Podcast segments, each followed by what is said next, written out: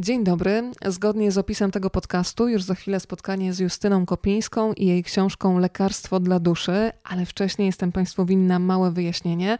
Podczas rozmowy live przydarzyły nam się małe problemy z dźwiękiem przez pierwszych kilka minut, co spowodowało, że teraz Państwu podsumuję te pierwsze pięć minut rozmowy. Y, a potem będzie już można przejść do tej rozmowy, której jakość dźwięku spowoduje, że dotrze ona w pełni do Państwa uszu. W pierwszych tych y, gorzej słyszalnych minutach rozmawiałyśmy m.in. o dedykacji. Książka Lekarstwo dla duszy dedykowana jest babci Justyny i poprosiłam ją o to, żeby opowiedziała więcej y, o niej i dostaliśmy taki obraz pięknej kobiety, pięknego człowieka. Kobiety, która przeżyła bardzo trudnych momentów w swoim życiu, między innymi śmierć swojej córki, a mamy e, Justyny e, która zachowała taką pogodę ducha i światło w sobie, kobietę, która prowadzi dom otwarty. Dzięki tej opowieści zobaczyliśmy też takiego człowieka, który nie ocenia, który ma w sobie taką jasność, i to właśnie jej Justyna Kopińska zadedykowała książkę Lekarstwo dla duszy. E, potem rozmawiałam z Justyną o tym, że ta książka jest zbiorem felietonów, które ukazywały się w Wogu. E, zapytałam, czym jest dla niej praca nad felietonem, ponieważ nad reportażem potrafi pracować e, wiele miesięcy. Felietony ukazują się co tydzień, więc to jest znacznie szybsze tempo pracy, ale też wymaga operowania na zupełnie innej materii. Tutaj Justyna opowiadała o tym, że bardzo lubi felietony, bardzo lubi i jest jej potrzebny kontakt e, z czytelnikiem i że faktycznie to jest trochę inny rodzaj poszukiwań, bo nie szukamy na zewnątrz, tylko szukamy w sobie. Przefiltrowujemy te wszystkie doświadczenia nazbierane i zamykamy je w felietonie. A potem już zapytałam Justynę o filmy, które ostatnio oglądała, takie, które mogą być pretekstem do napisania y, felietonu, do podzielenia się konkretnymi emocjami. I teraz już rozmowa płynie spokojnie do Państwa uszu. Proszę się częstować. Chciałam, żebyśmy trochę porozmawiały też o tych filmach, które wspominasz. E, między innymi Wielkie Kłamstewka z Meryl Streep, jest tam przerwana lekcja muzyki e, i zastanawiam się, czy teraz e, też oglądasz seriale na Netflixie i czy jesteś w stanie polecić taką produkcję, która cię ostatnio bardzo mocno poruszyła, która sprawiła, że będzie kolejny temat na przykład do felietonu, bo to jest tak, że każdy z filmów i książek przefiltrowujemy przez siebie i wyciągamy coś więcej, żeby podzielić się ze światem. HBO oglądałam dokument o chłopcu, który zrobił listę rzeczy, e, które miałyby zapobiec śmierci jego mamie. Jego mama miała próbę samobójczą i e, wymyślił sobie coś takiego, że spróbuje ją namówić, żeby tego nie robiła po raz drugi. I bardzo to myślę, że było takie ujmujące. Te powody były, jak on zaczął, jak miał właściwie 7 lat, więc te e, powody nie były jakieś takie super e, elokwentne, ale z każdym rokiem e, były bardziej przekonujące i bardzo, e, bardzo ten dokument robił na mnie wrażenie, jeszcze jego forma teatralna. A na Netflixie z kolei bardzo Państwu polecam Becoming, dokument o Michelle, Boże, mm, Michelle Obamie. Mm. Myślę, że to jest taka kobieta, która spokojnie mogłaby być prezydentem, które potrafi e, nawiązać więź e, z ludźmi. E, wyjątkowa inteligencja, ale też niedawno słuchałam Oprah Winfrey, która mówiła, że kurczę, jak to się stało, że ona osiągnęła tak dużo w życiu, że zbudowała taką karierę, przecież jest dużo więcej osób bardziej inteligentnych od niej. I stwierdziła, że to nie chodzi o inteligencję, mm, chodzi o taką zdolność odczytywania ludzkich uczuć, czyli inteligencję emocjonalną. Że ona bardzo czuje drugiego człowieka, wie, co ta osoba przeżywa, e, czego ta osoba pragnie, i to tak naprawdę powoduje, że ma więź z ludźmi dużo większą niż e, inne osoby wybitnie inteligentne, które jakoś nie potrafią dotrzeć do drugiego człowieka. I myślę, że dokładnie coś takiego ma Michelle Obama. To ja teraz będę wracać do fragmentów e, z Twojej książki. Wspominałam o tym przed chwilą, że sobie zaznaczyłam sporo. Wspominasz między innymi mm, pana Bogusława Stanisławskiego, byłego szefa Amnesty International, który podczas e, Poland Rock Festival w sierpniu rok temu powiedział takie piękne zdanie i, i, też postanowiłam sobie zapamiętać to zdanie, to zdanie. Nigdy nie byłem w kokonie obojętności. Usiłowałem posunąć świat chociaż o milimetr do przodu. I zastanawiałam się, Justyna, bo ja dzięki tobie zawsze odzyskuję taką wiarę w e, znaczenie słowa misja w dziennikarstwie, bo myślę, że niestety przez wiele różnych środowiskowych zachowań to słowo zostało wyświechtane, ale ty przywracasz jego rangę. I zastanawiam się, jak często sama dostajesz takie sygnały od ludzi, że dzięki tobie oni zostali wybudzeni z takiego kokonu obojętności, że twój tekst, twój reportaż nagle spowodował, że oni zaczęli się zastanawiać nad swoim życiem. Zaczęli e, pisać na przykład maile, wracając do sytuacji sprzed wielu lat, żeby coś naprawić. E, bardzo jestem ciekawa, bo ty też masz fantastyczny kontakt ze swoimi czytelnikami, którzy bardzo się otwierają pisząc do ciebie. Jak często to się zdarza? Bardzo często, to jest właściwie codziennie i to jest tak, że ja nigdy nie pisałam reportaży interwencyjnych, czyli ja nie piszę, jeżeli ktoś e, chce jakiejś pomocy, bo obawiałabym się, że to nie będzie prawdziwe, że tam nie będzie po prostu, że ktoś będzie motywowany czymś i oczywiście później czasami po reportażu zdarzają się zbiórki, zdarzają się, że ludzie coś organizują, ale generalnie dla mnie reportaż nie jest interwencyjny. A wkładam w niego całą moją wiedzę na dany temat. Czyli jak pisałam o tłumaczce zgwałconej w Elblągu, to rzeczywiście e, ja na ten temat się przygotowywałam przez wiele lat, żeby coś takiego ująć dokładnie na trzech stronach Gazety Wyborczej. I e, myślę, że ludzie to czują. To znaczy, rzeczywiście e, to do nich jakby dociera, to potrafi, potrafią się z tym zidentyfikować e, i kobiety, które coś takiego przeżyły, ale też takie, które spotkały się z różnymi zachowaniami takimi na pograniczu. I e, myślę, że to, znaczy, no ja widzę, że ludzie to bardzo doceniają. Oni sami piszą gigantyczna praca, niesamowite, że pani coś takiego robi. E, I myślę, że mam bardzo duże zaufanie ze strony ze strony czytelników, a to powoduje, że ja potrafię, tak myślę, że to naprawdę na, działa na to, że, że, że ja potrafię się w tym rozwijać, bo to jest bardzo trudna praca. To prawda, wiesz co, bardzo mi też zaimponowało, że kiedyś napisałaś dla siebie rodzaj takich wytycznych, czy listu do samej siebie i też sobie pomyślałam, że chyba coś takiego zrobię po lekturze twojej książki Lekarstwo dla duszy.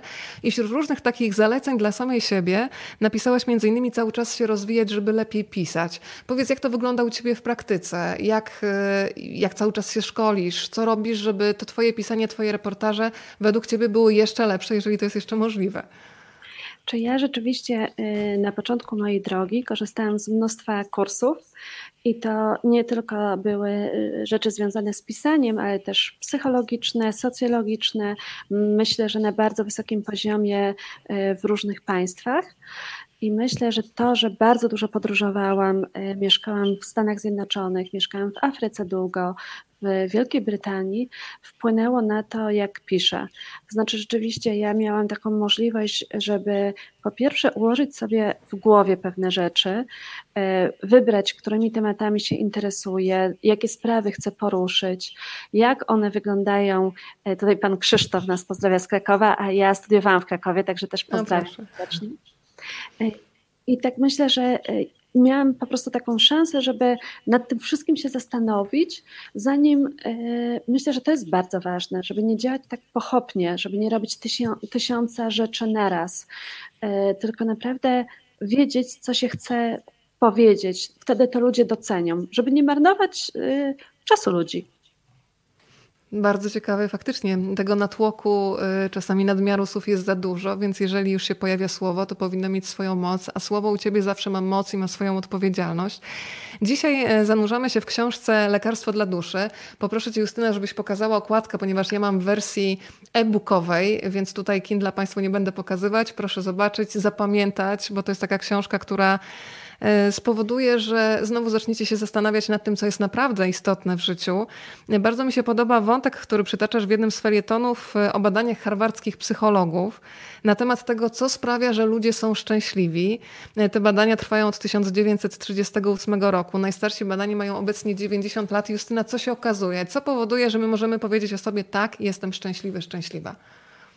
Okazuje się, że to w ogóle nie ma wspólnego nic z karierą, z tym, ile osiągamy, z tym, czy jesteśmy bogaci, czy biedni, czy pracujemy jako pani sprzątająca, czy jako minister kultury.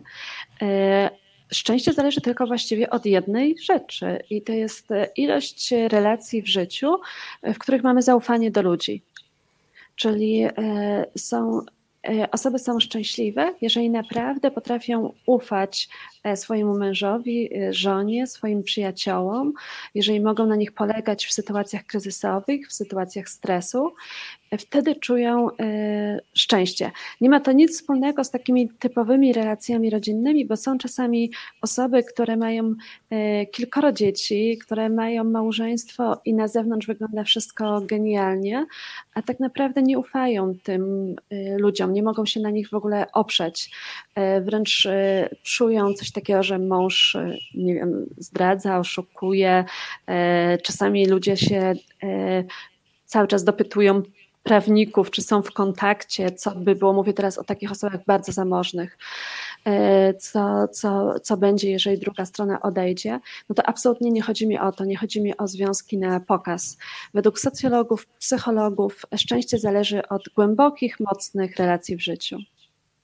Więc na tym e, warto się skoncentrować. Ta koncentracja jest bardzo ważna w Twoim życiu, Justyna. Ty to podczas wielu wywiadów, rozmów, ale także w tekstach, w felietonach podkreślasz. E, jak e, dbasz o koncentrację, bo to jest coś, o co myślę, że w tych czasach trzeba zadbać. E, tym bardziej, że ja sama zauważam pewne różnice u siebie w odbieraniu rzeczywistości, że odkąd mamy media społecznościowe, odkąd ten telefon cały czas jest na wyciągnięcie ręki, to widzę, widzę że kompletnie się zmienił na przykład mój sposób odbierania bodźców, tego, że jestem w większym rozproszeniu i coraz trudniej jest mi się skupić, więc jak ty wyznaczasz sobie taką dyscyplinę, że to jest czas na pisanie i ja się naprawdę nie rozpraszam? Jak wyglądają takie twoje codzienne rytuały, bo to jest coś, co się samo nie zrobi. Nad tym trzeba bardzo ciężko pracować. E, też nie jest łatwo, bo to rzeczywiście jest tak, że jeszcze jak e, się jest e, osobą publiczną, to bardzo dużo osób zadaje różne pytania i też ja jestem taką osobą obowiązkową, że nie lubię czegoś pozostawiać bez odpowiedzi, e, a jednocześnie e, zdarza się, że przychodzi 100 maili dziennie, więc wiadomo, że dużo muszę pozostawić bez odpowiedzi, bo inaczej bym nie mogła pisać. E, myślę, że to jest tak, że jak rano e, wstaję, staram się jednak mieć e, wyciszony telefon albo w trybie samolotowym i staram się bardzo wcześnie wstawać, czyli zdarza mi się wstawać o czwartej, o piątej nad ranem i to jest taki czas, kiedy jeszcze wszyscy śpią, więc mogę sobie spokojnie pisać, nic mnie nie, mm, nie rozprasza. A też myślę, że to jest bardzo ważne, co mówił Ryszard Kapuściński, już niezależnie od tego, co Domosławski później pisał, że to naprawdę, jeżeli chce się napisać coś wartościowego, to żeby unikać takich takiego badziewa, badziewia, którego jest pełno, takich bezwartościowych rzeczy, takich impulsów, że gdzieś wchodzimy, bo coś nas ciekawi, bo coś się wydarzyło nowego w świecie niby politycznym, bo tak naprawdę to jest często był taki film Fakty i akty z Robertem De Niro, e, gdzie wszystko jest nadmuchane, gdzie nie ma tak naprawdę w tym świecie PR-u politycznego e, prawdziwych wiadomości, tylko jest taka moja prawda jest najmojsza troszkę, jak z tego filmu Dzień Świra. I myślę, że to jest bardzo ważne, żeby się w taki świat nie wejść, żeby jednak od niego uciekać. Też, żeby nie wchodzić troszkę w ten świat przepychanek dziennikarskich, czy w świat e, takiego, takich złośliwości. Znaczy, ja lubię e, sarkazm i ironię, ale jeżeli są na naprawdę wysokim poziomie. Jeżeli ktoś nie jest Sławomirem Mrożkiem, niech nie zaczyna. Niech nie zaczyna, tak. Słuchaj, to teraz bardzo bym chciała porozmawiać trochę o wyznaczaniu pól szacunku dla samego siebie. Bardzo mi się to zdanie spodobało i od tego tematu też wyjdę do e, relacji w pracy, do modelów zarządzania, bo to jest też bardzo ciekawy temat, który poruszasz e, w jednym ze swoich felietonów, książce Lekarstwo dla duszy. Więc co rozumiesz, wyjaśnimy dla tych, którzy jeszcze nie czytali, pod hasłem wyznaczanie pól szacunku dla samego siebie. Ja w ogóle myślę, że bardzo mi się podobają te rozmowy, które są, y, które tworzy psycholog Brené Brown y, na mm, Netflixie czy w, y, na YouTubie, które pokazuje, że odwaga łączy się z wrażliwością tylko wtedy, kiedy człowiek ma możliwość wyznaczania granic, kiedy potrafi wyznaczać granice, kiedy nie, nie robi czegoś takiego, że ludzie mogą go y, dotknąć w każdej dowolnej chwili, y, dotknąć, czyli, czyli zranić. E, myślę, że żeby dokonać takich odważnych rzeczy, trzeba przede wszystkim też dbać o to, o wyznaczenie pewnych granic w, w życiu. E, wtedy nadajemy mu e, tak naprawdę sens. Pozdrowienia masz od Bartka Jędrzejaka. Mam przekazać, więc przekazuję od razu niezwłocznie. Czekam na kolejne reportaże. Wielki podziw i dziennikarski szacun, kawał dobrej roboty. Tak, z Bartkiem ostatnio rozmawialiśmy. Kiedy tylko się dowiedział, że będziesz, to powiedział, że od razu zasiada i będzie z nami po drugiej stronie. E, to e, od tych e, pól szacunku dla samego siebie przejdę do tych modeli zarządzania w firmach, w wielu korporacjach. Piszesz w jednym z felietonów Koleżanka na wysokim szczeblu w korporacji mówiła, że bardzo zaskoczyło ją ostatnie szkolenie. Powiedziano im wprost, żeby nie wzmacniać samooceny pracownika, nie budować jego pewności siebie, bo wtedy odchodzi na wyższe stanowisko do konkurencji. E, I zastanawiam się, kiedy rozmawiasz, Justyna, z różnymi ludźmi, bo obracasz się przecież w przeróżnych środowiskach, jak często e, stawia się naprawdę na liderów, którzy potrafią tworzyć pewną wspólnotę wartości, a nie na liderów e, czasami psychopatycznych, bo i takie historie opisujesz w swoich reportażach, e, którzy zarządzają strachem. Więc ile gdyby tak proporcjonalnie, jak obserwujesz polską rzeczywistość, w ilu firmach mamy liderów, za którymi po prostu ludzie idą, czują, że mają, budują wspólnie jakąś nową wartość. No i ten styl zarządzania, który jest oparty na strachu. E, powiem Ci, że nie jest to tak dużo, że nie jest dużo tych osób, które naprawdę są genialne i dlatego doszły tak wysoko. Ja dawniej tak właśnie myślałam, że w każdym społeczeństwie jest 1 do 2% e, psychopatów, e, osób, które po prostu nie mają żadnej empatii w sobie, e, dla których liczy się tylko i wyłącznie własna satysfakcja, które nawet się cieszą z cierpienia drugiej osoby. Ale ostatnio rozmawiałam z psychologami, którzy powtarzają, że wśród tych osób najwyżej postawionych, które mają wpływ, które są decyzyjne, ta liczba jest zdecydowanie wyższa dlatego że po prostu te cechy, że nie myślisz o innych ludziach, że dla ciebie nie ma znaczenia, czy oni cierpią, czy nie, że idziesz do Wyłączasz przodu. empatię, prawda? Wyłączasz empatię, tak naprawdę często ułatwiają ludzie, e, ludziom przechodzenie do kolejnych szczebli, zdobywanie kolejnych szczebli e, kariery w firmach. E, Wyrazy szacunku też od Renaty Kim z Newsweeka. Pozdrawiamy. Bardzo pozdrawiam i bardzo, bardzo podziwiam Renatę. I myślę, że to jest trochę tak, że rzeczywiście wśród tych ludzi na wysokich pozycjach tych osób y, jest więcej, tak jak mówią psychologowie.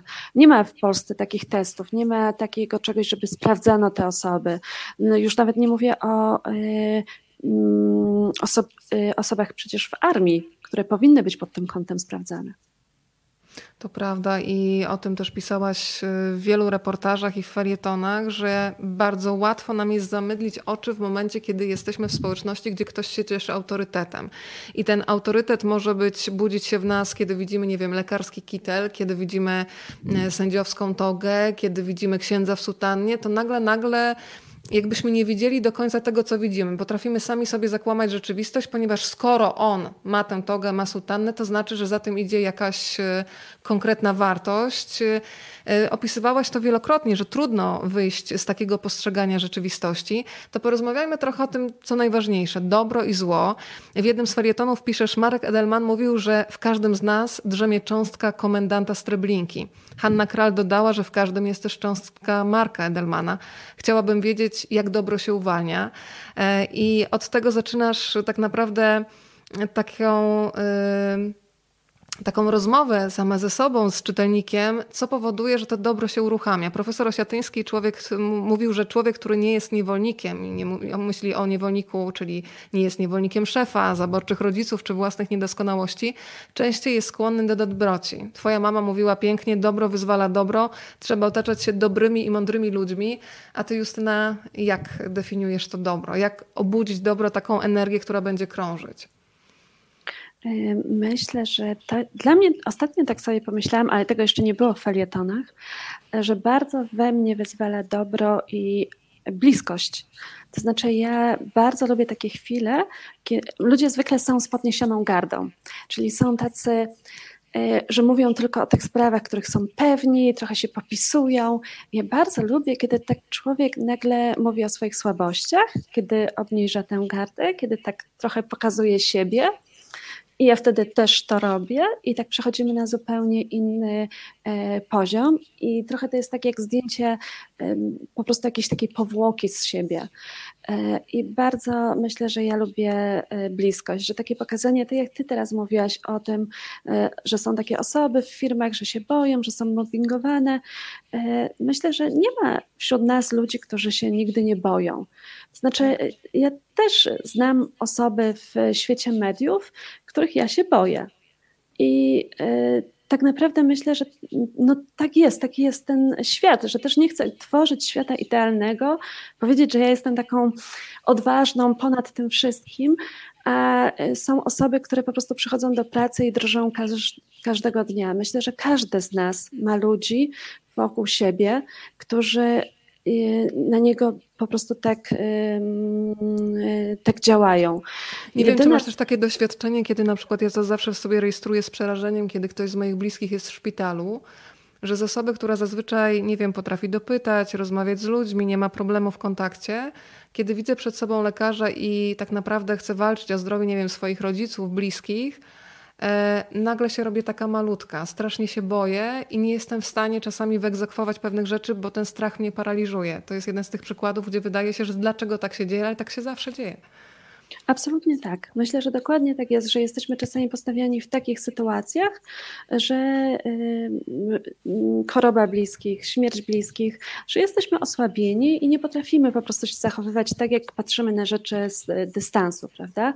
Tak jak wchodzimy i załatwiamy jakąś e, sprawę e, myślę, że ja jako reporter to rzeczywiście brałam czasami rzeczy E, na siebie takie bardzo odpowiedzialne, e, ale jednocześnie nie, te osoby, prawda, tutaj czy ofiary, czy informatorzy e, nie były nikim z mojej rodziny, prawda, nie były tak. moją mamą czy moją siostrą. Nie wiem, jakbym w takich sytuacjach reagowała. Skoro powiedziałaś o tych obciążeniach, które bierzesz na swoje barki, to w jednym z felietonów w książce Lekarstwo dla duszy mówisz, wspominasz, że fotoreporter Krzysztof Miller mm, mówił y, kiedyś do ciebie, że pracujesz nad zbyt dużą liczbą mrocznych tematów i że nie obędzie się to bez kosztów. Więc Justyna, jakie są te koszty w Twoim przypadku? Czy Ty dobrze śpisz, czy miewasz jakieś lęki, ataki paniki? Bo to są rzeczy, które się w człowieku bardzo powoli odkładają i trudno się od tego odłączyć. Robisz całą masę dobra, ale tak naprawdę zanurzając się w tym źle. Więc jak sobie radzisz, jak oczyszczasz ten swój system, żeby móc dalej pomagać poprzez słowo? Y, ja miałam taki czas rzeczywiście, że to się przesunęło u mnie w czasie, czyli dokładnie tak jak mówił Krzysiu y, Miller, y, czyli ja byłam na takich emocjach robiąc reportaże, pracowałam czasami po 17 godzin dziennie, że wypierałam wszystko i nie czułam wtedy strachu, czyli zdawałam sobie sprawę, kurczę, jakie to są mocne rzeczy, jeszcze ja je wizualizowałam, a jednocześnie wypychałam z siebie emocje, oddalałam z siebie emocje. Tak jak pisałam w jednym z felietonów, to jest taka lichwa od życia. To jest coś takiego, co zawsze trzeba spłacić. I teraz mówię młodym ludziom podczas e, wykładów, żeby właśnie na siebie uważali. Że to jest trochę tak, że czasami myślimy, że potrafimy wszystko, a tak nie jest. To się zawsze po prostu e, jakoś na nas odbije. E, I miałam taki okres, że to wszystko się połączyło, że nagle czułam cały ten strach i emocje i ból. E, I był to bardzo trudny czas w moim życiu. E, a później jakoś tak zaczęłam trochę bardziej po prostu dbać o siebie. Ja myślę, że też dla mnie to jest ważne, że ja naprawdę kocham pisanie, że mm, to też mówią psychologowie o tej drabinie swojego życia, prawda? Że przychodzi taki czas w życiu, kiedy ktoś zwykle jest w wieku średnim, kiedy się zastanawia, tak rozgląda, czy ta drabina, po której idzie, to jest dobra, a może jakaś inna drabina by była lepsza, tam koleżanka czy kolega patrzą na innych. To ja tego w ogóle nie mam. Czy moja drabina to jest moja drabina i mi się bardzo podoba i ja generalnie po prostu kocham pisać i e, jakakolwiek by nie była cena, jeżeli tam brakuje kilku szczebli, jeżeli są jakieś e, problemy, jeżeli nagle jest śliska, bo pada, bo oczywiście ja sobie wyobrażam moją drabinę w górach, jeżeli już ma być, to i tak e, po prostu ja wiem, że ja tym żyję, to znaczy ja dobrze wybrałam. Ja kocham te rzeczy, które ro robię. Podróże, pisanie, życie właśnie w przyjaźni, blisko ludzi, pokazywanie siebie, nie granie na ludziach, nie manipulowanie. Myślę, że to y, jest taki sposób na, na życie, które ja sobie wybrałam i jak na razie po prostu czuję się z nim dobrze.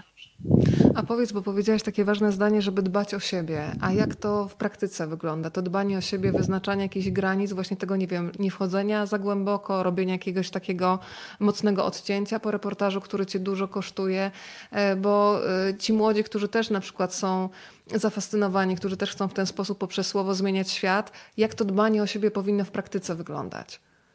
Znaczy ja y, też myślę, że to jest kwestia teraz, że ja do tego doszłam, żeby mhm. dbać o siebie. Ja wtedy nie dbałam tak. o siebie. Ja wtedy odbierałam telefony o trzeciej w nocy, miałam cały czas włączoną komórkę, byłam cały czas y, gotowa na rozmowę, jeżeli policjant chciał jechać, żebym gdzieś przyjechała i porozmawiała o jakimś ciężkim przypadku, to ja w każdej chwili byłam gotowa na to, żeby jechać. Y, też pisząc te reportaże, to jest tak, że ludzie nie odbierają telefonów, sędziowie, y, psychiatrzy, którzy zajmowali się daną sprawą, prokuratorzy. To jest tak, że czasami po prostu ten kontakt jest bardzo utrudniony, że decydujesz się żyć w takiej formie, że to wszyscy decydują, a ty jesteś dostępna. Tak wygląda pisanie y, reportażu. Dodatkowo pracuje się z takie naprawdę stawki, że nie sposób się utrzymać, tylko trzeba jednak y, dopłacać, y, robiąc tak, mm, takie przynajmniej reportaże całościowe i dlatego ten zawód jest bardzo trudny reportera czy dziennikarza. I myślę, że jak dziennikarze młodzi pytają mnie na, podczas wykładów, jak tutaj odnieść sukces, to ja nawet nie wiem, jak im to po prostu powiedzieć, że to jest sześć lat dokładania do pracy i w ogóle jak, jaki sukces i jak, ta, jak to życie wygląda, jak się tak pracuje właśnie na całego to myślę, że e, mało osób się na coś takiego w ogóle zdecyduje. To, to, e, natomiast teraz myślę, że dbałość o siebie, no to jest zupełnie na czym innym polega, bo mm, ja bardzo zmieniłam styl swojego życia. No i tak jak mówię, teraz e, piszę na przykład książkę, prawda? To piszę ją w zupełnie inny sposób i mam telefon wyciszony, czy w trybie samolotowym. To dawniej to było dla mnie w ogóle nie do, mm, nie do pomyślenia. Pojawiają się Justyna pytania od Państwa. Agnieszka e, mówi dobry wieczór i pyta, z którą z historii przeżyłaś e, najmocniej? Najmocniej przeżyłam, ojej, wszystkie historie przeżyłam bardzo mocno. E, najmocniej przeżyłam oddział chorych za strachu i czy Bóg wybaczy siostrze Bernadette. Bo najbardziej się zanurzyłam, najdłużej nad tymi historiami pracowałam. Mm, I miałam bardzo dużo takich sytuacji granicznych, zwłaszcza przy oddział e, chorych ze strachu, dlatego że ja pisałam wcześniej e, o tym strażniku, który zabił więźniów e, z wieżyczki. Następnie Elbląg odwraca oczy. Kilka miałam takich o morderstwach, kilka miałam takich bardzo mocnych reportaży, a cały czas w weekendy i nocami pracowałam na oddział chorych ze strachu. I jeszcze chciałam, żeby był bardzo wizualny, filmowy, więc sobie to wszystko wyobrażałam. Kompozycyjnie chciałam, żeby ten reportaż był w 100% taki dopracowany więc wtedy chyba przesiliłam umysł i to też powodowało, że chodzi mi o to, że gdyby to nie tak, że nie było tak, że pracowałam nad tyloma reportażami i jeszcze nad tym oddziałem chorych ze strachu, to pewnie bym nie miała aż takiego w sobie y, takich trudnych y, uczuć. Kolejne pytania od widzów, od pani Beaty. A co z lękiem po reportażu, lękiem o siebie, o najbliższych? Bo w końcu ze strony tych, o których pani pisze, może przyjść zemsta, jakiś rodzaj zła. Ja pamiętam, kiedy kilka lat temu rozmawiałyśmy, Justyna w radiu też powiedziałaś, zresztą to y, pisałaś o tym, że miałaś też groźby i to takie groźby dotyczące twojego życia. Więc jak sobie z czymś takim radzić? No bo wyobrażam sobie, że kiedy dostaję groźby dotyczące mojego życia, no to jest to paraliżujące. Więc jak sobie z takim paraliżującym strachem poradzić? No myślę, że to jest naprawdę bardzo trudne, że to jest takie coś, że trzeba być, um, umieć to wziąć na klatę i nie przekładać emocji na inne osoby. Czyli y, nie można być taką osobą, która wszystko po prostu wszystkim mówi i generalnie potrafi to y, wykrzyczeć na innych. Ja w sumie nigdy się nie złoszczę. Nie miałam takiej chyba sytuacji, żeby podnieść głos, y, a przynajmniej nie pamiętam w sprawach y, zawodowych, ale też w sprawach prywatnych. Jak ja czuję złość, to mówię, czuję złość. Więc to jest chyba naj, naj, najmocniejsze, co powiedziałam. Ale to A nie jest tak bezpiecznie, kiedybyś byś powiedziała i trochę rozpuściła ten strach właśnie po innych. Gdybyś powiedziała, słuchaj, boję się, bo, czy po prostu nie chcesz kogoś obciążać? To jest taka motywacja? To jest taka motywacja. No myślę, że jeżeli okay. Bym obciążała osoby jednak wokół mnie, to, to te osoby by miały bardzo teraz trudno, bo to czasami człowiek się mniej denerwuje, jak sam słyszy groźbę, że go ktoś zabije, niż jak najbliższa osoba słyszy taką groźbę, prawda? Myślę, że jakbym mm, o tym mówiła, to by było, to by było trudniej. Myślę, że też bardzo pomaga mi strzelanie, ja dużo Powiedz strzelam. więcej o tym strzelaniu. Ja mam coś takiego, że teraz, e, teraz miałam, e, już parę razy zajęłam miejsce na podium, e, czyli w zawodach strzeleckich, na przykład trzecie miejsce, 92 punkty na 100, to jest bardzo dużo. Tam bierze mnóstwo osób udział w tych zawodach, więc tak mam bardzo, bardzo wybitnego trenera i czuję się e, też spełniona w tym, że mogę coś dodatkowego robić, e, co e, też dodaje sił. I bardzo trenuję koncentrację. Znaczy, to jest takie coś, jak jesteś sam na sam starczą i celujesz w ten środkowy punkt, zawsze to powoduje, że takie parę godzin na strzelnicy ja się uspokajam i potem e, jest mi lepiej pisać, koncentrować.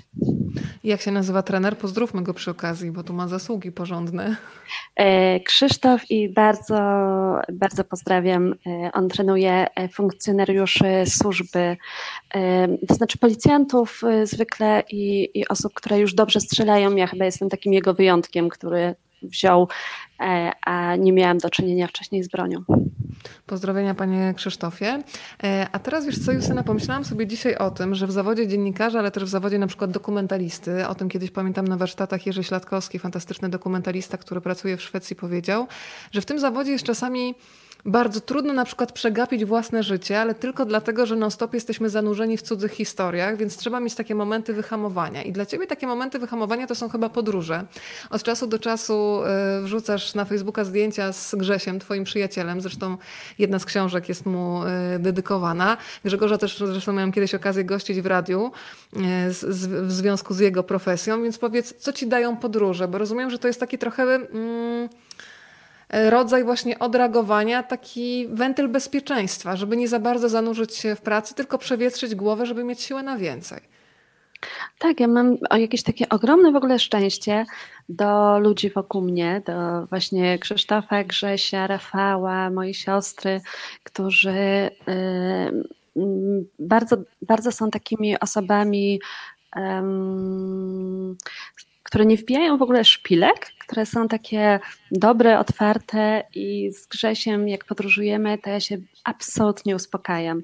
Ostatnio byliśmy Chile, Argentyna, Urugwaj y, i mieliśmy plan na każdy dzień, od rana do nocy, wszystko wypełnione, a ja najlepiej się czułam w górach, w Patagonii, y, bo rzeczywiście jakaś byłam taka przebodźcowana, bardzo dużo się działo, miałam dwie premiery książek i e, potrzebowałam takiej chwili, że się od wszystkiego odizoluję.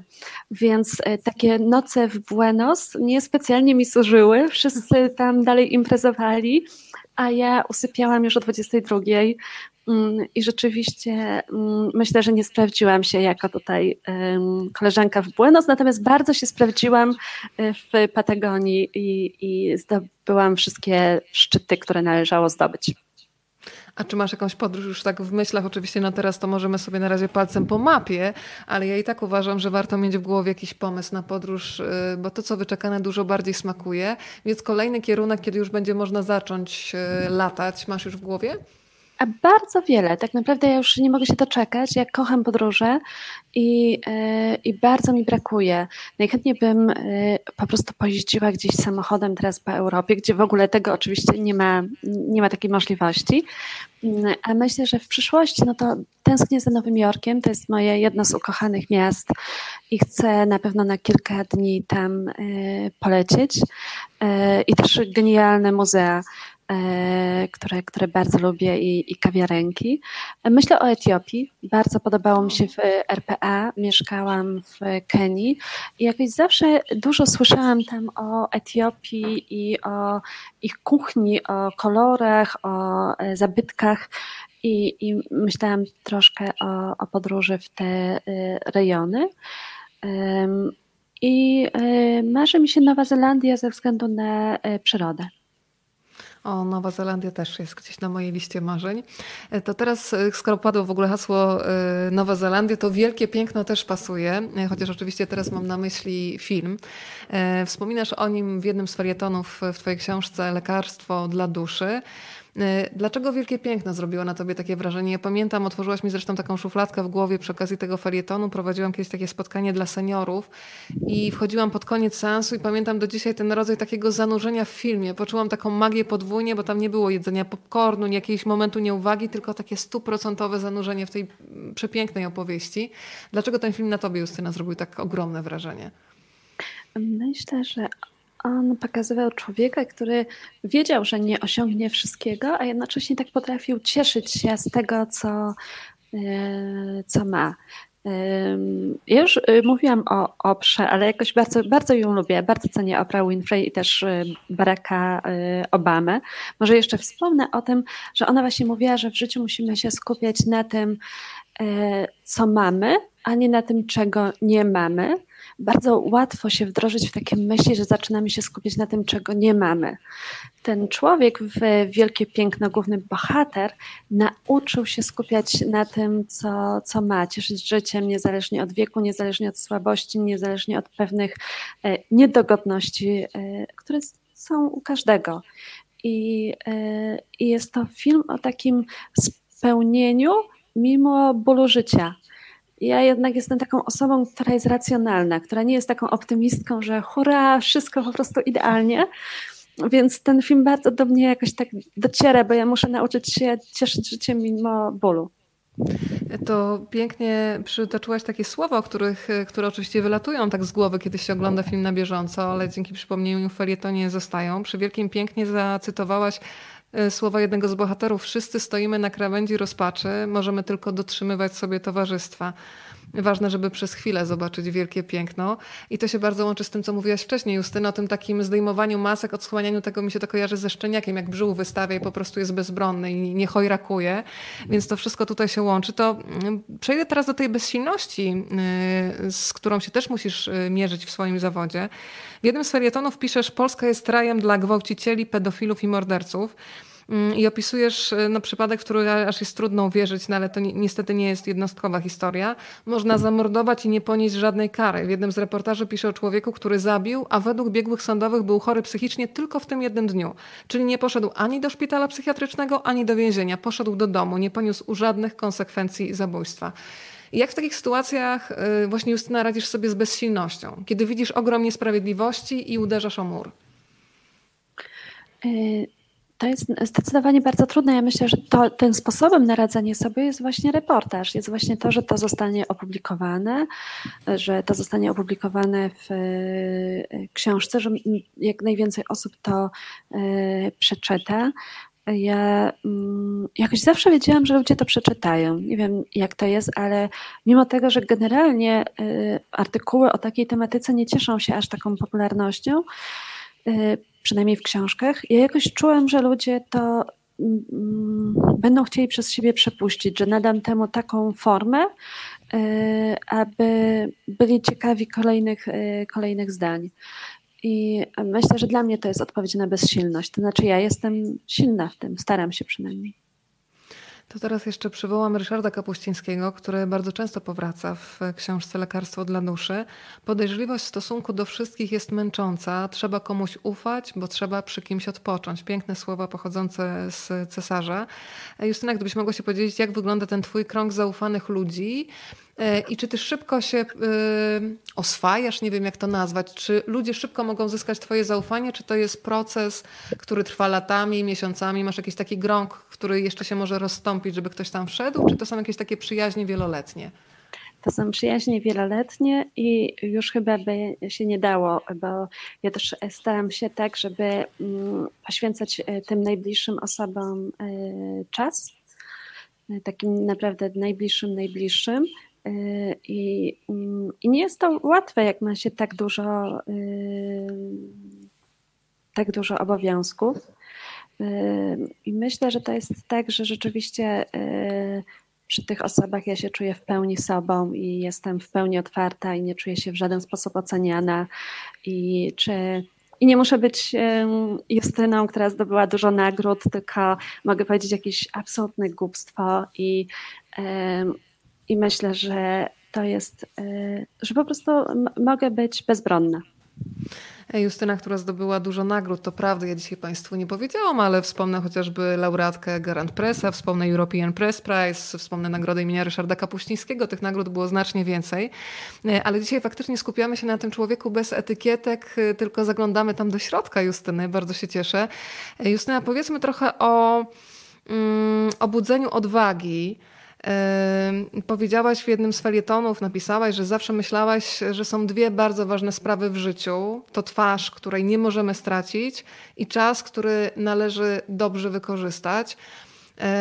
Czy od początku umiałaś ten czas zawsze dobrze wykorzystać? Czy to jest etap, do którego się dochodzi? Bo e, no, czasami też się tak samo obiczujemy, że gdzieś nam ten czas przepływa przez palce. Jak się dochodzi do tego rodzaju dyscypliny, którą ty w sobie masz, że potrafisz na przykład, kiedy masz tekst do zrobienia wstać o czwartej rano i czasami non-stop pracować przez 15 godzin?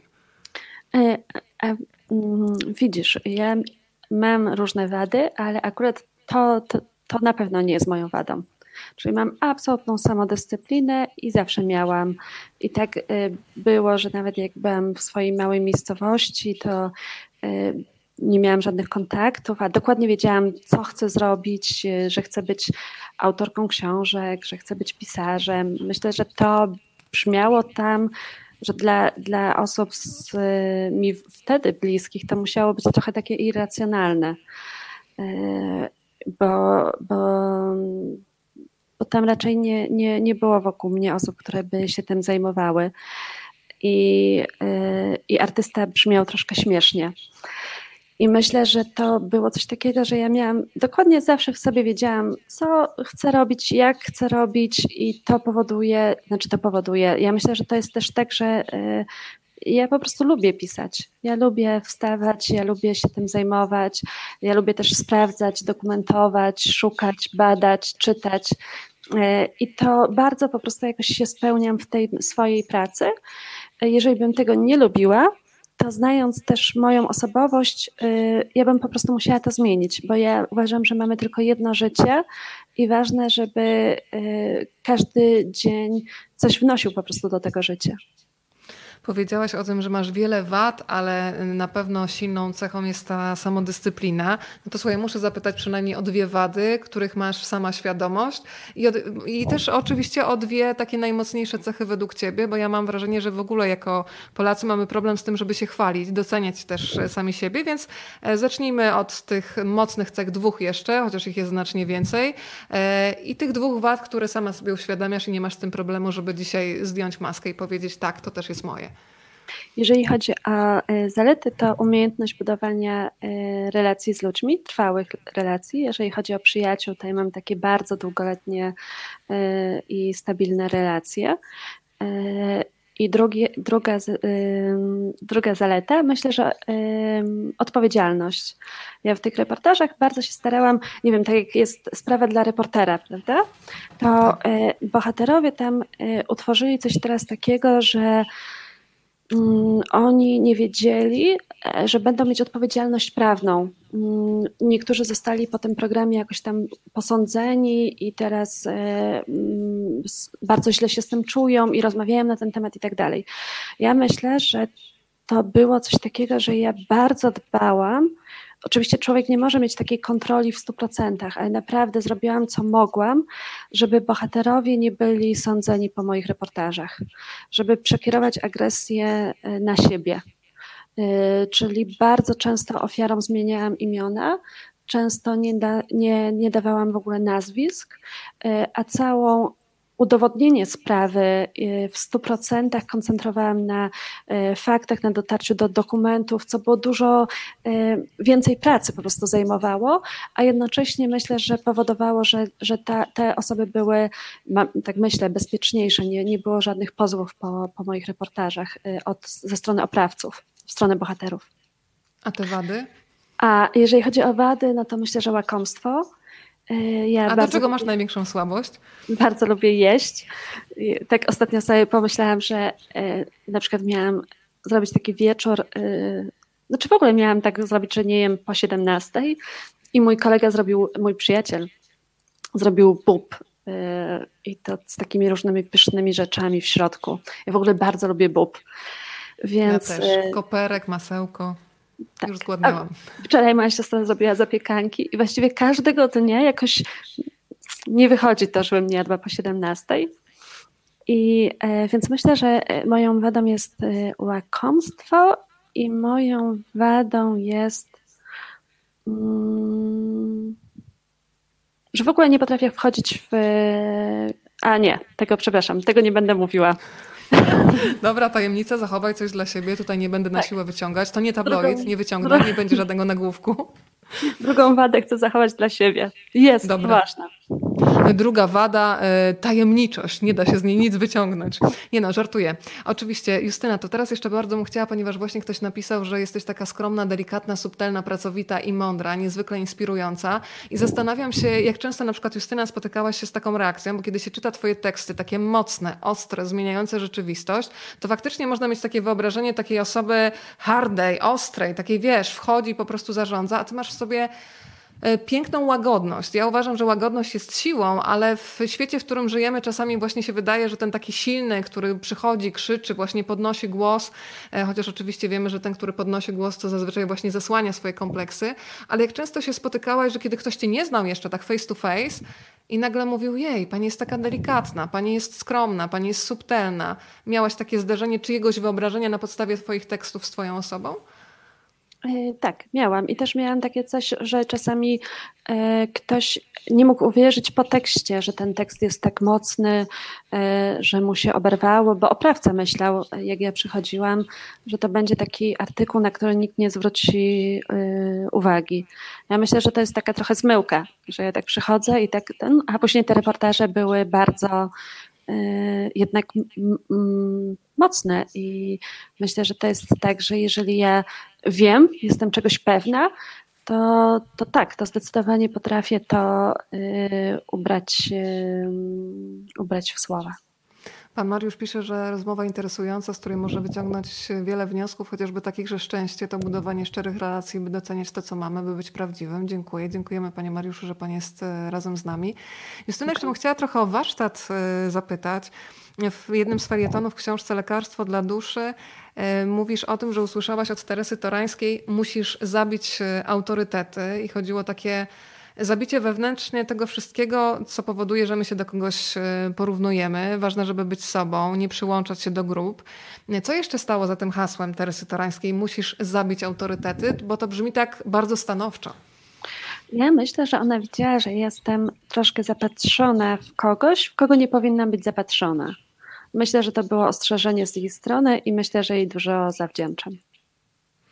A powiesz jeszcze trochę takich spotkaniach? Czy Teresa Torańska właśnie dawała konkretne wskazówki? Czy to było właśnie takie zdanie, które jest trochę jak taki budzik, który każe się zastanowić dalej, co jest tam pod spodem, pod tym krótkim Myślę, hasłem, że to drugie. Zabić... Myślę, że ona absolutnie nie mówiła e, dosłownie. I myślę, że bardzo dużo osób z tych takich wybitnych osób, których spotkałam na swojej drodze, nie jest, e, nie jest dosłownie. Myślę, że myślę, że Teresa Torańska mm, niesamowicie dużo widziała, jeżeli chodzi o ten świat e, mediów. I ona też bardzo wskazywała na to, że to nie jest świat dla kobiet, że to jest świat męski bardzo, ale też to, że powiedziała jakoś tak z taką pewnością, ale ty sobie poradzisz, też mnie fajnie mm, podbudowało. Nie wiem, ale czasami myślę, że to jest ważne. Ja też bardzo uważam, co mówię do młodych ludzi, jeżeli cokolwiek mówię, bo myślę, że to może mieć na, na nich po prostu duży wpływ w przyszłości. A jeżeli chodzi o takich y, dziennikarzy, reporterów, pisarzy, którzy Tobie imponują, Justyna, bardzo jestem ciekawa takiego zestawu nazwisk, y, który powoduje, że Ty masz ochotę się zasłuchać i właśnie zapisywać sobie konkretne zdania, które potem gdzieś właśnie wdrażać w życie i są czymś w rodzaju takiego drogowskazu prywatnego dla Ciebie. Myślę, że z reporterów najbardziej imponował mi Ryszard y, Kapuściński i ja wiem, że wyszło też sporo wad na jego temat, ale myślę, że pod względem pracowitości to był tytan pracy. I jeżeli chodzi o takie łączenie e, reportażu później z literaturą na światowym poziomie, to, to w Polsce po prostu jest on. Jest, jest pan Ryszard Kapuściński i jego słowa na mnie działały. Jego słowa mnie zmieniły w wielu sytuacjach. Dla mnie Cesarz to jest najlepsza książka, jaka powstała w Polsce. Czyli mhm. dla mnie to, to, to naprawdę jakby wywiady z nim, rozmowy z nim, ale też to, mówię rozmowy takie, czyli czytanie wywiadów, czy, czy rozmów na łamach prasy, na pewno na mnie wpłynęły. To była taka osoba, którą ja głęboko podziwiałam. Jeżeli chodzi o zagranicznych autorów, to ja lubię w ogóle klasykę. Czyli lubię osoby, które już nie żyją w sumie w większości i dla mnie Dostojewski, Czechow, Nabokow, tutaj mówię teraz literatura y, rosyjska, ale tam niektórzy potrafili napisać takie zdanie, które mnie jakoś rozdzierało totalnie, które powodowało, ja miałam jakieś emocje, pamiętam jako 17-18-letnia dziewczyna, to ja sobie tak myślałam, Jezu Chryste, napisać jedno takie zdanie w życiu, żeby ludzie tak reagowali i ja jestem spełniona, mogę umrzeć. Znaczy na mnie to robiła ta literatura niesamowite e, wrażenie. Z literatury amerykańskiej bardzo na mnie wpłynął Truman Capote i e, kilka jego opowiadań pamiętam też tak głęboko przeżyłam i to, że on potrafił napisać i śniadanie u Tiffany'ego i z zimną krwią, no, dla mnie to jest po prostu nie, nie, niesamowity kunszt. Mnóstwo pozdrowień tutaj Justyna Państwo przysyłają. też zachęcam, oprócz pozdrowień można zadawać pytania w każdej chwili. Jeżeli jest tylko ciekawość, to proszę ją przekuć na konkretne pytanie. Ja muszę Cię Justyna jeszcze zapytać, e, jakim doświadczeniem było też dla Ciebie napisanie powieści? W jednym z wywiadów chyba w urodzie życia powiedziałaś, e, że w końcu mogłaś się uwolnić od takiego lęku, od odpowiedzialności za to, jak Twój tekst wpłynie na życie prawdziwych e, bohaterów. I to jest też coś, co bardzo często powtarzają dokumentaliści, którzy na przykład przychodzą do fabuły że robiąc dokument zawsze się zastanawiają, na ile ta kamera, to, że zostanie potem pokazane, wejdzie w czyjeś życie, zmieni e, właśnie taką rzeczywistość bohaterów. Więc e, czy to było coś uwalniającego dla ciebie? Myślę oczywiście o książce Obłęd. E, tak, myślę, że to było dla mnie bardzo, mm, bardzo uwalniające. I też, znaczy myślę takie coś właśnie, że nie bierzesz życia ludzi w swoje ręce, tylko że wszystkie postacie są fikcyjne, a jednak wydarzenia są e, prawdziwe. Ja tutaj wybrałam taką formę jak najbardziej lakoniczną i chciałam, żeby to było, żeby to wzbudzało bardzo dużo, żeby tam było dużo niedomówień, żeby ludzie sobie musieli czytelnicy pewne rzeczy dopowiedzieć czy e, wyobrazić. A jak też to przejście dla Ciebie? Czy było jakimś rodzajem wyzwania, reportaż, a właśnie wejście w fabułę? Zastanawiam się, no bo e, ta fabuła też jest oczywiście umocowana w psychologicznych e, mechanizmach, które obserwowałaś podczas pisania reportaży. E, część oczywiście łatwo jakby też odczytać nawiązanie do, do reportażu, chociażby gdzie właśnie ordynator, ordynatorka oddziału znęcała się nad pacjentami, więc zastanawiam się, czy to przejście z formy było dla Ciebie wyzwaniem, no bo to jest jednak trochę inne opisywanie rzeczywistości. Czy ja myślę, że to będzie tak, że ja będę stosowała bardzo różne formy, jeżeli mhm. chodzi o y, książki. Y, tutaj y, zależało mi żeby użyć jak najmniejszą ilość słów, mniejszą niż w reportażu. Więc to było mhm. bardzo trudne, bo to musiała być taka absolutna systematyczność, klarowność. A z kolei w jednej z następnych książek, którą piszę, będzie bardzo dużo słów, e, dygresji i będzie miała zupełnie inną formę. Myślę, że to jest, e, to jest dla mnie wyzwanie. E, ja bardzo dużo pracuję nad, nad formą, nad stylem zarówno reportaży, jak i felietonów, jak i tego, co chcę pisać i w jaki sposób w przyszłości. Myślę, że jestem jeszcze dość młoda i jeszcze spokojnie tam mam nadzieję, że 40 lat będę pisać i jeszcze dużo książek powstanie i e, jakoś tak e, dla mnie bardzo ważne jest, żeby czytelnicy e, w zetknięciu z tą formą czy z książką, żeby czuli, że to ich pochłania, żeby czuli cieka ciekawość tego, co, co, będzie, co będzie dalej. Pytanie z Londynu od pani Ani. E, czy zdradzisz, Justyno, nad czym teraz pracujesz? Bo wspomniałeś, że pracujesz nad książką, ale czy możemy powiedzieć cokolwiek więcej? Myślę, że nie, bo dlatego, że chciałabym rzeczywiście zrobić niespodziankę e, czytelnikom e, i dopiero ujawnię pewnie gdzieś za, za rok, za dwa na moim Facebooku. Czyli czekamy cierpliwie. To kolejne pytanie od Pani Marii. Jak odnajduje Pani w sobie odwagę, kiedy dochodzi do rozmów, spotkań z ludźmi, którzy budzą w Pani lęk? Ja jeszcze może dodam od siebie, na przykład budzą też, e, no czasami można powiedzieć wręcz od razu, myślę o przykładzie Trynkiewicza, gdzie no taka naturalna reakcja jest taka, że masz strach, masz lęk, ale też może być takie uczucie, jak po prostu no, człowiek się stara nie oceniać, ale jednak podświadomie gdzieś to wychodzi. No tak myślę czysto ludzko. Mm, ja myślę, że na przykład tak czułam przy spotkaniu z księdzem pedofilem, który y, wielokrotnie wykorzystywał seksualnie małą dziewczynkę. Później byłam na mszy, którą on odprawiał dla wiernych i też miałam z nim rozmowę. To czułam bardzo dużo różnych emocji. I tak nawet lekko drżały mi ręce, ale y, jednocześnie wiedziałam, że to jest bardzo ważne. I, I, myślę, że to jest to, że jeżeli ja wiem, że w czymś jest sens, że w takiej rozmowie jest, y, jest sens, to ja potrafię to zrobić. Myślę, że to jest najważniejsze, żebyśmy nadali swoim czynom sens, bo inaczej nie potrafimy, inaczej zadajemy sobie pytanie, po co po prostu. To jeszcze wrócę do tych filmów, e, w którym akurat myślę o filmie, w którym jest bardzo dużo mm, na temat sensu, sensu życia i tego, jak żyć. Stowarzyszenie Umarłych Poetów też e, wraca w Twoich felietonach. Dlaczego ten film był dla Ciebie tak istotny? Myślę, że wielu z nas go widziało, ale lata temu, a myślę, że warto do niego wracać po latach i odczytywać kolejne sensy. Myślę, że tam też e, widzimy chłopaka, który marzył po prostu, żeby zostać aktorem i widzimy, co się z nim stało, kiedy mu to e, odebrano, prawda? Kiedy odebrano mu marzenia, bo rodzice chcieli, żeby miał e, taką pracę, która przynosi na pewno zarobek i tak dalej.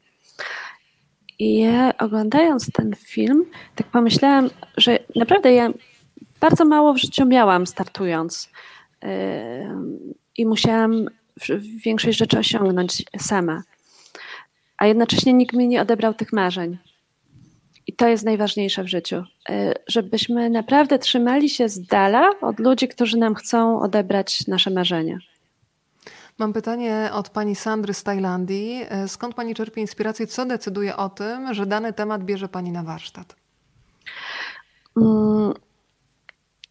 O, ja dawniej po prostu jakoś dokładnie wiedziałam, co chcę opisać i jakie tematy w Polsce chcę opisać.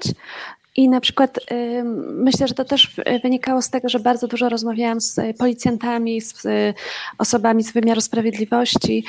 Jeżeli oni na przykład mówili o, y, tym, jak się traktuje w Polsce zgwałcone kobiety, albo właśnie jak się robi sprawy o morderstwo, to ja wiedziałam, że w jaki sposób chcę to opisać, jak znaleźć takie sprawy. I a potem, kurczę, to też jest niesamowite, że na przykład miałam tak, że myślałam o tym, żeby opisać sprawę mm, pedofilii w kościele, bo wtedy jeszcze bardzo mało się na ten temat mówiło, to jeszcze było przed filmem o Smarzowskiego, przed y, filmem braci Sekielskich też. Sekielskich. Mhm. Naprawdę bardzo mało się na ten temat mówiło. I co jakiś czas zgłaszały się do mnie osoby, i nagle zgłosiła się bardzo odważna e, kobieta, e, niesamowita e, Kasia, prawda? I, I to jakoś tak od razu wiedziałam, że dokładnie to jest to. Ja trochę też wierzę w taką inspirację, mm, w takie przyciąganie, w takie coś, że jeżeli coś o czymś myślimy, coś chcemy napisać, że jakoś to się wydarza w naszym w, w naszym życiu. Oczywiście pomaga to, że miałam też zbudowane nazwisko, że występowałam w programach, że ludzie mnie kojarzą, no i jednak mnóstwo osób do mnie pisze, więc spośród tylu zgłaszanych tematów ja po prostu y, wybieram to, co, co mnie jakoś porusza, co sprawia, że no ja czuję po prostu tam niesprawiedliwość, bezsilność, y, zło i mogę to sprawdzić, mogę to zweryfikować. Jest e, w swoich felietonach też oprócz tych spraw takich przełomowych, które też e, wpływają na zmianę prawa w Polsce, są też takie drobnostki i bardzo mi się to podoba, takie drobnostki, z których się składa codzienność. Został mi w głowie między innymi twój felieton, w którym mówisz o jednym z kolegów, który przyszedł do ciebie się poradzić, jakie książki e, sprezentować swojej żonie. I byłaś trochę też zdziwiona, bo jakoś nigdy nie był jakimś fanem y, czytania wielkiego. Natomiast e, on odpowiedział pięknym zdaniem: Chcę zrozumieć, co ona ko tak kocha w tych książkach, że zawsze, gdy czyta, jest szczęśliwa. Y, I pomyślałam, że no taki mężczyzna to też jest taki test na męża, chłopaka, czy nie wiem, konkubenta, jakikolwiek związek ludzie sobie wybiorą, żeby się zainteresować tym, co temu drugiemu człowiekowi daje szczęście. Powiedz o takich drobnostkach, też piszesz cudownie, że razem z Grzesiem, czyli twoim przyjacielem, kiedy jesteś jesteście gdzieś na przykład na wyjeździe, to zawsze macie swoją panią albo nawet na osiedlu. Co się kryje za hasłem nasza pani? Rzeczywiście, mamy coś takiego, że bardzo lubimy mieć osobę czy w banku, czy w piekarni, czy naprawdę tak praktycznie w każdym sklepie, nawet w jakimś takim um, nawet w takich miejscach jak biblioteka, e, która e, jest bardzo miła ja jak zatrudniłam się, zatrudniłam się, jak dostałam etat w Gazecie Wyborczej, to pierwsze co to miałam swoją panią w stołówce i zawsze chodziłam do tej pani, niezależnie od tego jaka była długa kolejka, czyli staram się jak najbardziej umilać sobie dzień. Pamiętam jeszcze jak robiłam przeglądy prasy w TVN-ie i e, musiałam wstać rano i o szóstej iść do kiosku po gazety. I obok mnie był kiosk, w którym była tak niemiła pani. Ona paliła papierosa i była zła, że w ogóle ktoś przychodzi o tej godzinie, bo zwykle ludzie przychodzili dopiero od ósmej i chciała po prostu, ona nie chciała chyba, żeby ktokolwiek przychodził. Na pewno to nie był jej interes. I, yy, I, ja po prostu nauczyłam się chodzić, wstawać wcześniej, tam chodzić jakieś pół godziny do innego kiosku, bo myślę, że dla mnie takie coś, yy, taka energia, z którą stykasz się yy, o poranku, to jest, to jest bardzo ważne, żeby jednak być z takimi ludźmi zaufanymi. Też rzeczywiście też w banku mam swoją panią, jeżeli czegoś potrzebuję, to wiem, że ona właśnie ma zawsze miły głos, jest życzliwa i lubi swoją pracę. Bo to jest chyba ważne, że niezależnie od tego, gdzie pracujemy, czy w sklepie, czy w banku, czy na poczcie, czy w jakiejś wielkiej firmie jesteśmy prezesem, jeżeli nie lubimy swojej pracy, to życie w sumie jest dla nas piekłem. Pytanie od pani Moniki. Na jakim etapie jest realizacja filmu na podstawie książki Czy Bóg wybaczy siostrze Bernadette? Czy będzie pani miała wpływ na wybór aktorów i czy uważa pani, że Polska jest gotowa na ten film? Hmm. Uważam, że Polska jest jak najbardziej gotowa na ten film. I e, jest. E, o, widzę, że jest kolejne tutaj pytanie, czy obejrzę w sobotę premierę zabawy wchowanego braci Sekielskich. Myślę, że nie w sobotę. Mm, jakoś mam taki po prostu nadmiar bardzo negatywnych ostatnio rzeczy, więc troszkę poczekam z tym, żeby oglądać taką tematykę, e, ale na pewno zobaczę. I, i, i widziałam pierwszą pierwszą część. A jeżeli chodzi o film, to myślę, że i Polska jest gotowa. Na razie są zbierane fundusze na, na ten film przez producenta. Ja Mm, tak jak już mówiłam, bardzo mam nadzieję, że główną rolę zagra Agata Buzek, którą szczerze podziwiam i myślę, że ona po prostu jest do tego idealna, e, ale nie myślę, że e, reporter nie, nie ma takiego wpływu, może tylko tak po prostu na przykład coś e, zasugerować, a ostateczna decyzja należy do producenta. A wiemy mniej więcej, kiedy będzie finał, tych, kiedy już to będzie miało materialną formę, Justyna? E, filmy bardzo długo w Polsce zwykle powstają, a teraz tak. jeszcze przez ten czas. Wszystko e, zatrzymane, tak.